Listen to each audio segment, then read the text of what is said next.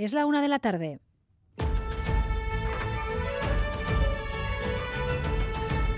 Crónica de Euskadi con María Cereceda.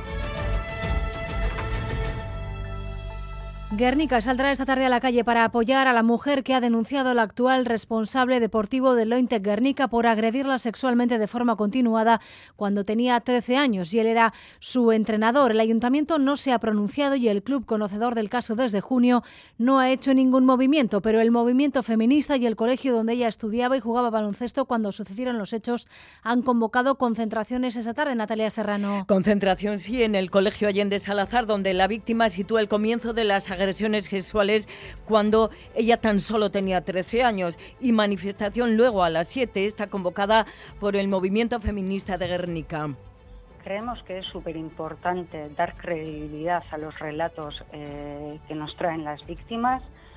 La segunda cuestión que queremos llevar eh, hoy a la calle es que no podemos eh, tolerar la impunidad con la que viven los agresores.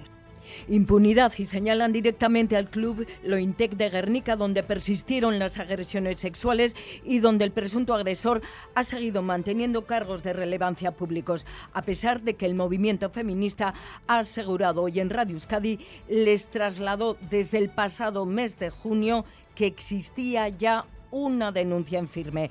El club anuncia que hablará esta tarde, mientras tanto ayuntamiento, otras instituciones, jugadoras, exjugadoras guardan silencio. Nueva víctima mortal en carreteras guipuzcoanas. Esta mañana una conductora ha en un accidente entre un coche y un camión en Rentería es la sexta víctima de este mes, Mayalen Galparsoro. Ha ocurrido sobre las 10 de la mañana en la Guipúzcoa 636 a su paso por Herrentería. Tras el choque ocurrido entre un camión y un coche, la conductora del coche ha fallecido en el lugar. La carretera continúa totalmente cortada en ese punto y hay largas retenciones. Solo en Guipúzcoa han fallecido seis personas en accidente de tráfico en diciembre ya son 30 en lo que llevamos de año. Ocho de ellas no superaban los 23 años. Y en Deva continúa la investigación por la muerte ayer de una mujer herida de bala cuando estaba en su domicilio. La principal hipótesis es que el disparo proviniera de una batida que se estaba llevando a cabo en la zona. Se están revisando las armas utilizadas y se comprueba ahora que se cumplieran todas las medidas de seguridad. La Federación lamenta la tragedia y reconoce que los animales salvajes se acercan cada vez más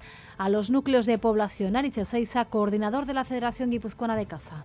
Que sin duda alguna para nosotros es eh, la peor noticia que podía mm, darnos y desde luego la, eh, me consta que, la cuadrilla, los miembros de la cuadrilla están, están desolados. ¿no?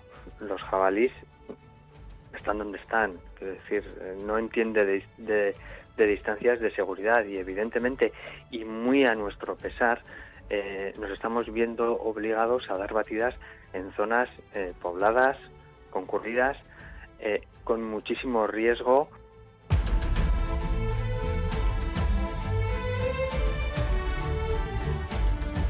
En Navarra, la tensión sigue en máximos tras el anuncio el jueves de la moción de censura a la alcaldesa de UPN en Pamplona. Tras la manifestación de ayer, las relaciones, sobre todo con el PSN, están lejos de normalizarse y en Arangoa.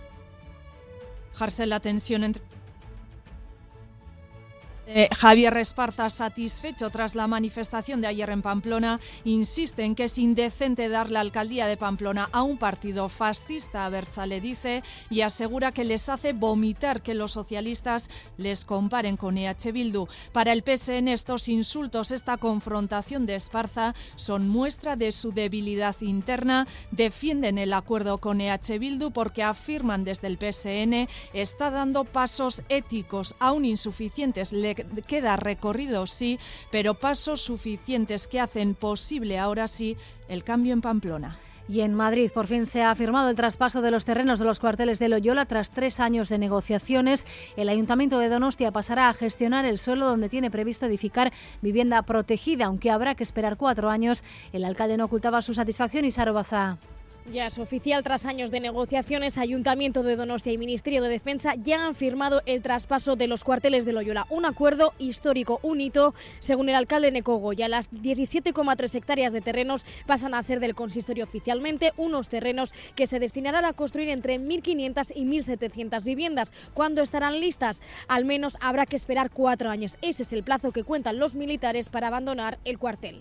Y la nueva temporada del Cursal Escena llega con grandes nombres como Vela San Sebastián, Crystal Fighters, el gran director de orquesta Kirill Petrenko y la Gustav Mahler Jugend Orchester o los ballets de Monte Carlo. La nueva temporada incluye un total de 16 conciertos que van a tener lugar de febrero a julio de 2024. El grupo Crystal Fighters abrirá la temporada el miércoles 14 y la artista canadiense Lorina McKinney será la encargada de clausurarla el viernes 12 de julio. Los responsables de Cursal Escena afrontan con optimismo esta nueva temporada de conciertos, alentados por las buenas cifras de asistencia de los últimos meses. Iker Goicoechea es director gerente del Cursal.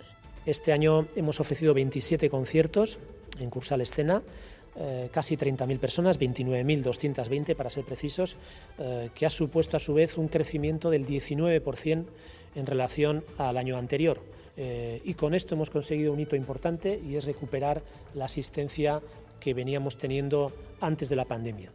Titulares del deporte, César Pérez Gazola, Zaracha León. Don María, el Paris Saint-Germain será el rival de la Real Sociedad en octavos de la Champions, el equipo que casi nadie quería, uno de los cocos del sorteo, pese a que los de Luis Enrique no atraviesan ni mucho menos su mejor momento. La ida será en la capital francesa en febrero y la vuelta en Anoeta el próximo mes de marzo. Mbappé es la gran estrella del conjunto francés y hoy, esta noche, el Deportivo Laves se cierra la penúltima jornada del año jugando en Montilivi, en el campo de líder, el Girona. Luis García Plaza tiene la baja de Abcar, pero recupera a Ander Guevara.